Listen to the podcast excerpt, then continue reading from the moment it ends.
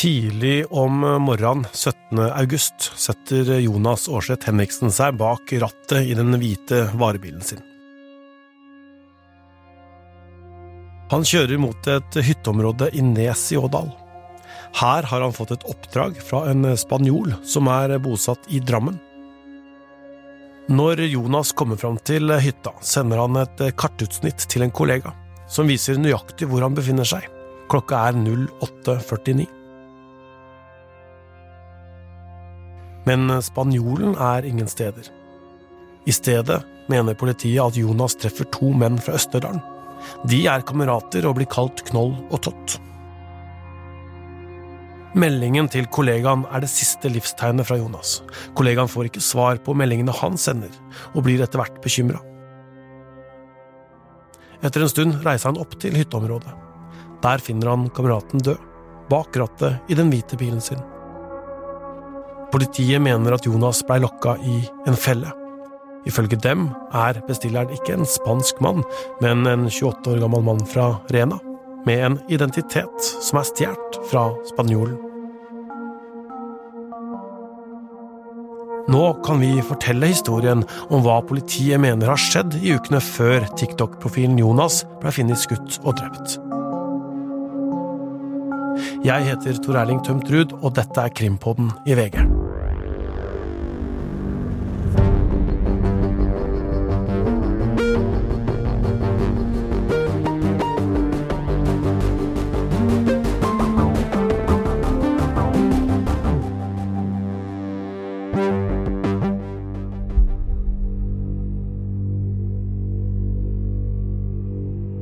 Ja, Øystein Millie, vi er tilbake til eh, Jonas-saken. Siden sist vi snakka om dette drapet, så har det kommet en pågripelse til, og nå har VG funnet ut veldig mye av hva politiet mener har skjedd da Jonas ble drept. Ja, vi har jo stått eh, flere ganger oppe ved hytta og stilt eh, en rekke spørsmål til Erling om alt fra hvem som har lokka eventuelt Jonas opp dit, hva som har skjedd der oppe, hvem som har stått bak. Og øh, den utmerkede jobben, øh, vil jeg påstå, og tørre å si, at krimgruppa her i VG har gjort nå, den øh, gir mange svar. Det er en artikkel som er både detaljrik, lang og, og, og tar for seg sakskomplekset i bred forstand. Og det er et viktig premiss her, og det er jo at dette er hva politiet mener har skjedd. Det er politiets uh, hypoteser, og det er også politiet som har definert noen roller. Alle de som er eh, pågrepet og siktet, nekter straffskyld, så vi plasserer det med en gang. Men, eh, men ja, det begynner, eh, som politiet ser det, å tegne seg et ganske tydelig bilde. Som jeg sa, da, så har jo da enda en person blitt pågrepet siden sist vi snakka om det, men det har jo vært eh, kjent i, i, i, noen dager og uker, det altså. Det er da en 35 år gammel mann eh, som eh, kommer fra Jevnaker, som ligger like ved Hønefoss. Og så skal vi da si hvordan eh, denne mannen er kobla inn i denne historien, for da skal vi tilbake til 3. august, og det er jo da et par uker før Jonas blir drept. Da dukker denne mannen opp, sammen med Jonas, på en bensinstasjon.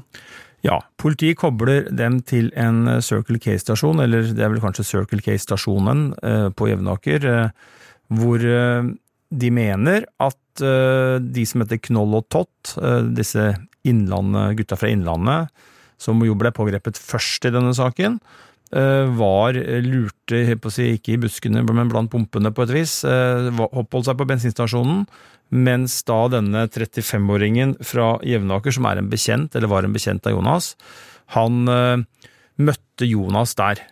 Og så er vel en av hypotesene til politiet at, at det var et møte som ble satt opp av, av denne 35-åringen for at disse Knoll og Tott, som vi kaller dem, skulle se hvem Jonas var, for det er jo politiets oppfatning at eh, Knoll og Tott har sentrale roller i det som skjer videre, eller som skjedde videre med Jonas, eh, som vi skal komme tilbake igjen eh, etter hvert i episoden. Og så skal det være sånn at de har prøvd å feste en slags tracker eller en GPS-anretning på bilen til Jonas? Det stemmer, og det klarte man ikke, fordi at Jonas angivelig da holdt seg så tett på bilen at disse gutta aldri fikk eh, arbeidsro. Eh, det ble aldri sånn at de tenkte at nå kan vi teste denne GPS trackeren på bilen uten at han ser det. Og det handla jo, sånn politiet ser det, da om å kunne ha kontroll på hvor Jonas var, og hvor han kjørte og hvor han bevegde seg, for da er det jo etterforskerne og politiet sin oppfatning at planlegginga av det som nok kanskje ikke skulle være et drap, det vil jo tida vise, det må jo belyses gjennom i retten, men at det var noen som planla å, å, gjøre Jonas noe, det er jo politiets oppfatning. Så er det sånn at det er mye etterforskning som gjenstår. Politiet har pågrepet fem menn eh, for noen uker siden. Noen er avhørt, noen skal avhøres eh, denne uka her, eh, men det er veldig mange fortsatt ubesvarte spørsmål eh, som, som, politiet søker svar på, og, og i det er først i retten at denne saken blir fullt uh, utbelyst, uh, for oss i hvert fall. Og så husker vi da at de to første som blei pågrepet, det kom jo da fra Innlandet fylke, Østerdalen, eh, fra Rena og Elverum. Og de oppholder seg da, i dette tidspunktet, rundt 3. august, ved Hønefoss-området. Og da er de på en slags tur. Ja, de har jo, eller i hvert fall en av dem har forklart at det var en sånn kalt bursdagstur. Eh, og så er nok politiet av en annen oppfatning, og det har vært gjort mye jobb i å kartlegge bevegelsen til de to gutta her. Eh, man vet at de har vært på en, en campingplass, blant annet. Det er jo en campingplass som vi har kjørt forbi flere ganger når vi har vært eh, på åstedet.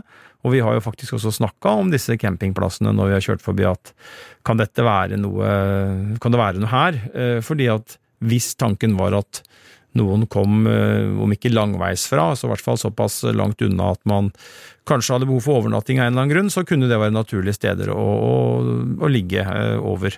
Um, og det er jo da politiets hypotese, at, har, at de to har overnatta. Man har vel funnet at i hvert fall én av dem har skrevet seg inn i en uh, bok på campingplassen, uh, og politiet knytter da dette til ja, sånn som saken ligger an nå, så mener politiet at dette handler om forberedelser eh, til eh, noe, altså det som skulle etter hvert bli en konfrontasjon, men også da eh, knytter det og undersøker det opp mot hærverk. For vi vet at Jonas ble utsatt for veldig mye i den perioden, i august, ja, sensommeren august i år. Ja, Vi har sett den videoen hvor det er to menn som kommer og øh, på en måte nesten angriper en eh, svær lastebil i front der. Det er den grønne lastebilen som ble kalt eh, Hulken. Mm, ja, det er jo en av, en av, de hendelsene.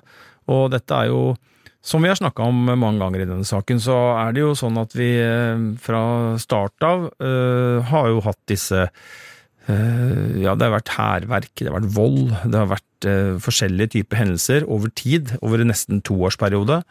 Uh, og det har jo vært uh, helt opplagt, selvfølgelig, når noen blir funnet skutt og drept, så er jo et sånt bakteppe av stor interesse. Og sannsynligheten for at det kan være en sammenheng, i hvert fall med noe av det, vil jo mange tenke er stor. Og det har jo vært en av politiets hypoteser også, at dette kunne knyttes til, til drapet.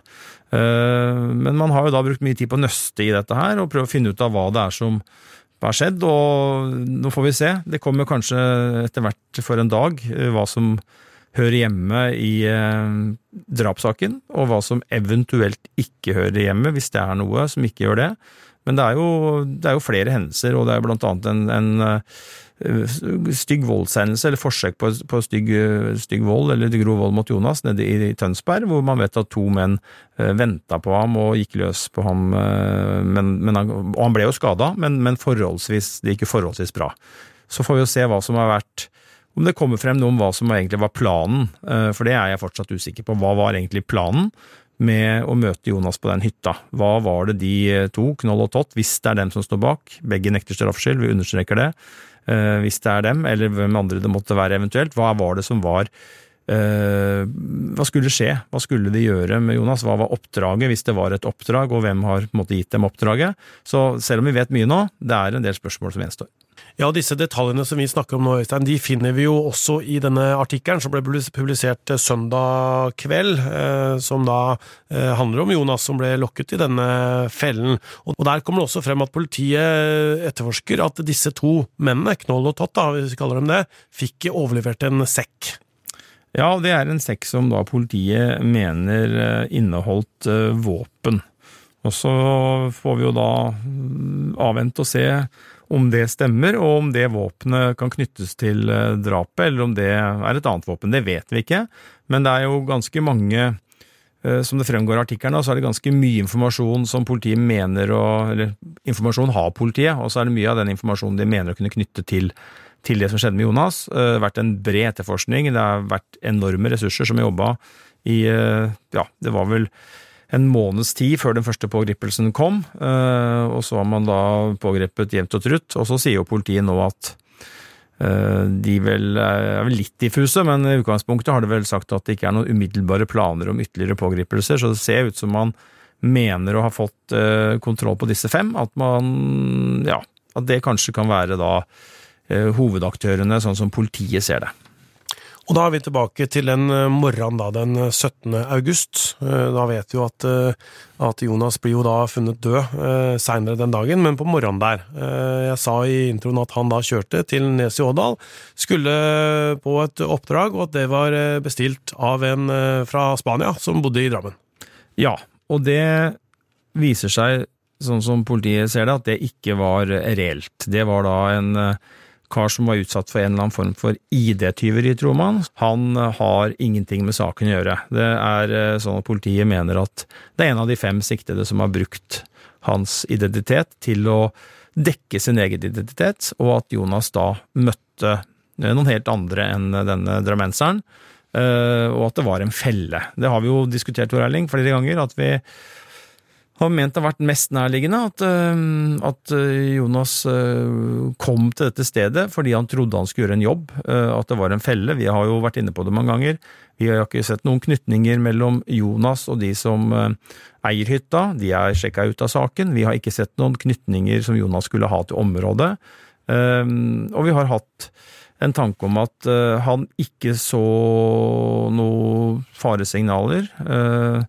Og det mener jeg jo at min, min, analyse av det, i hvert fall at det tyder på at han har vært ganske trygg på at dette var en grei jobb. Han har møtt opp der oppe aleine og tenkt at denne mannen som har sendt en melding om å, eller vært i kontakt med han for å, for å gjøre den jobben, at det var et helt vanlig, reelt oppdrag.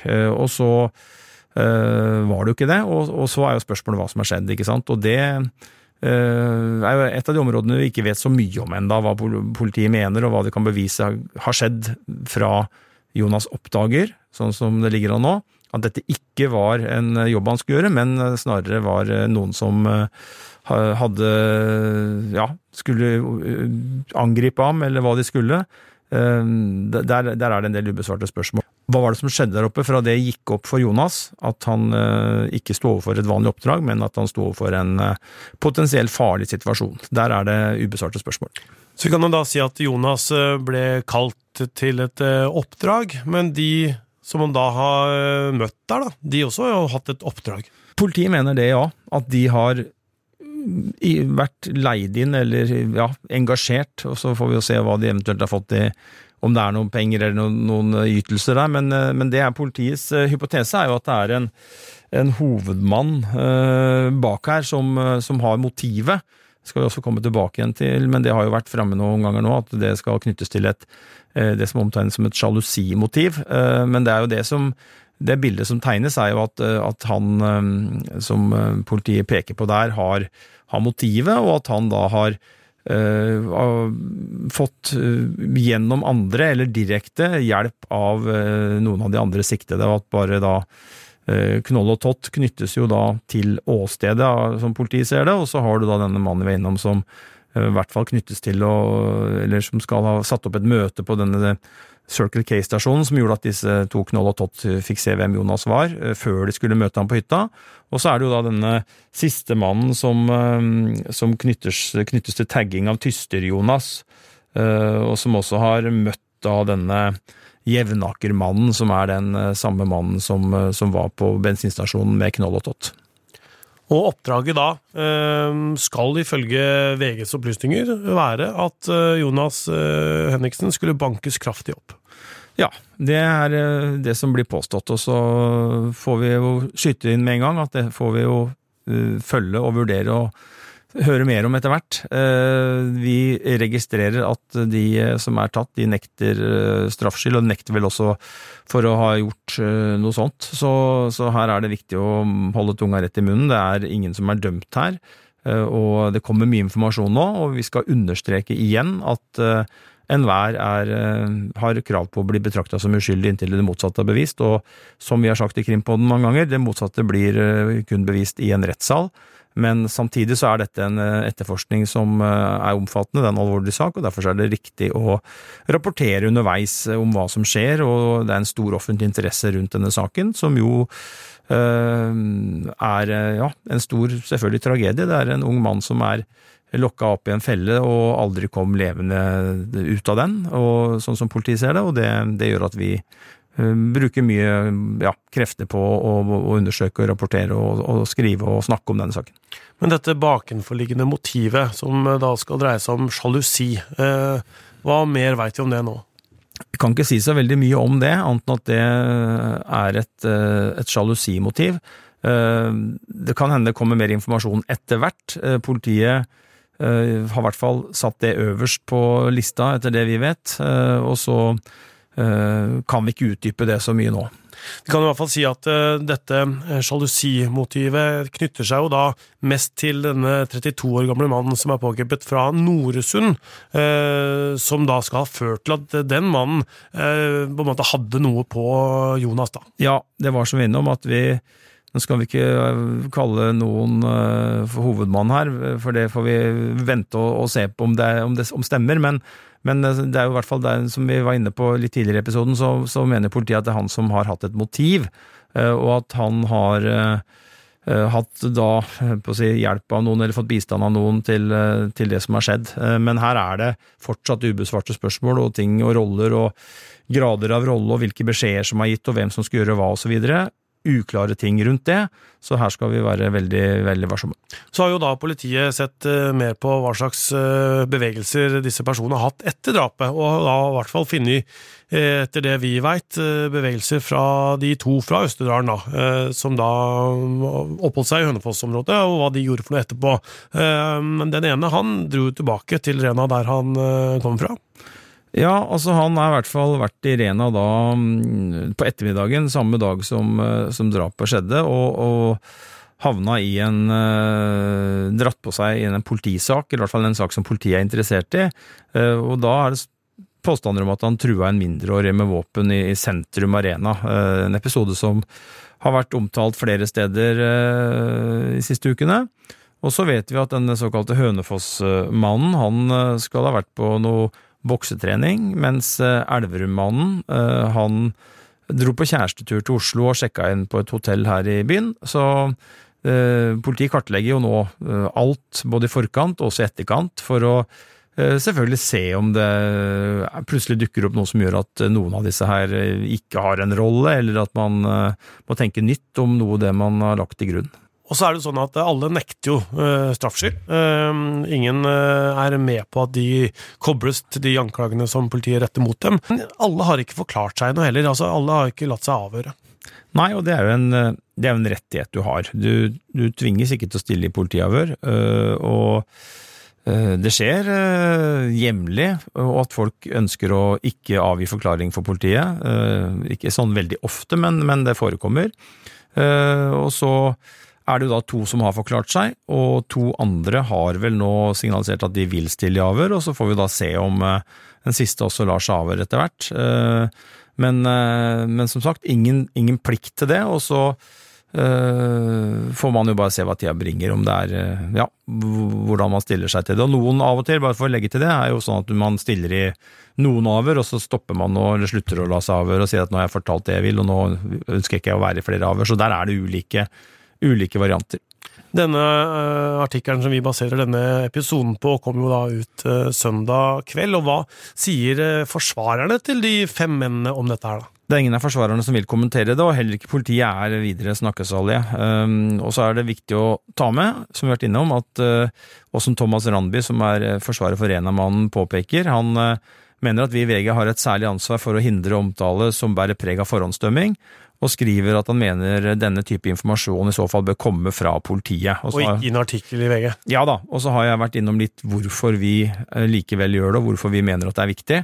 Eh, og det er heller ikke helt uvanlig at en eh, forsvarsadvokat eller en politiadvokat har ulike oppfatninger fra oss i mediene om, om hva som bør og ikke bør komme frem på ulike stadier av en straffesak. Men det er Viktig å si at vi vurderer, og har vurdert også denne saken, alltid veldig grundig og nøye hva vi går ut med, og når vi går ut med ting, og i hvilken kontekst. Eh, bistandsadvokaten til familien til Jonas sier at familien er glad for at politiet fortsatt bruker alt av ressurser på denne dypt tragiske hendelsen.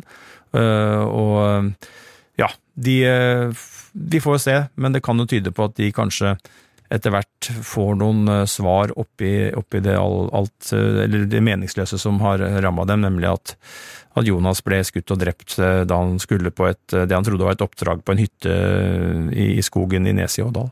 Ser ut som vi har fått et, på en måte en mer, et mer skall eller mer skisse på hva som har skjedd der. Da. Altså, nå var det veldig mye forvirring og veldig mye rykter og, og ting og tang egentlig i starten. Ja, og det er jo ofte sånn som uh, oppstår. Uh, rykter, uh, tankespinn, teorier florerer jo. Og det gjelder ikke bare denne saken, det gjelder andre saker. Lørenskog-saken, Orderud-saken som er veldig gammel, men som jo er oppe igjen nå. Så er det jo mange som tenker og mener og tror ting. Og, og, det er jo ofte folk som har litt avstand til saken. Her er det jo sånn at det har vært et lokalsamfunn som har fått denne saken i fanget, og der er det også mange som snakker sammen, og der, det vet vi fra tidligere saker, at det er ofte, eller det skjer i hvert fall, at eh, en fjør kan bli til fem høns, og at eh, en eller annen har sagt noe som man vedkommende ikke aner om er riktig, men som er en spekulasjon, eh, flytter seg fra hode til hode, menneske til menneske, og etter hvert så blir det en sannhet, i anførselstegn, og så hender det at det kommer til oss, og vi sjekker det opp og finner ut at det ikke er sånn. Det hender at politiet får den type informasjon, og helt sikkert, eller eller skal ikke si helt sikkert, men jeg ser ikke bort fra at, skjedd, at det skjedde i Hønefoss-saken, eh, Jonas-saken for politiet også. Eh, så det er klart at det er, og det, men det er jo både en det er jo både et pluss og et minus. Det er et minus fordi at det blir støy for politiet og for andre som jobber med saken, men det er jo et pluss fordi at folk engasjerer seg og politiet ønsker jo i hvert fall øh, å få, generelt å få heller et, øh, et tips som viser seg, eller to tips som viser seg ikke stemmer, hvis de bare får øh, informasjon som, som, er riktig. Og så får vi jo da se etter hvert hva som er status her, og hva som, hva som stemmer, og hva som ikke stemmer. Men ja, det ser ut som politiet har skaffa seg det de mener på det nåværende tidspunkt, et solid bilde av hva som har skjedd. Jeg vil tro at de fleste som hører disse episodene om Jonas på Krimpodden, også har hørt han eh, forteller sjøl i podkasten Avhørt, eh, og der har jo Jonas noen tanker om eh, hvorfor han blir påført på en måte hærverk og vold og disse her, men, men dette er jo ikke noe han snakker om. Nei, det som ligger til grunn her, og som er dette såkalte sjalusimotivet, er jo ikke noe som jeg har hørt eller lest noe sted at noen har omtalt i detalj. Og så er det som vi var innom i stad, at hvis det blir en rettssak, eh, når det blir en rettssak her, så kan det hende at, eh, og kanskje før det også, at det kommer mer informasjon om hva som skal være motivet. For det pleier å, pleier å gjøre det, og det er nok vanskelig å se for seg at det blir en hovedforhandling uten at, uten at politiet og påtalemyndigheten og forsvarerne går mer inn i motivet. Men eh, det er i hvert fall grunn til å merke seg at det har skjedd mye i denne saken nå. Men det er som du sier, Tor Erling, det begynner jo å tegne seg et bilde, i hvert fall sånn som politiet ser det, og så har nok forsvareren et annet uh, syn på det, og så får vi bare følge utviklinga og se hva som uh, skjer videre. Denne episoden har blitt jobba fram av Morten Hopperstad, Anne Sofie Mengon Aasgard, Jasmin Strinseris, Ingrid Bergo og Ola Haram. Hanna Espevik har laga manus og redigert episoden. Produsent i Krimpodden er Vilde Våren. Ruth Einvoll Nilsen er reporter. Emilie Hall Torp er nyhetssjef. Øystein Millie er krimkommentator. Og jeg heter Tor Erling Tømterud.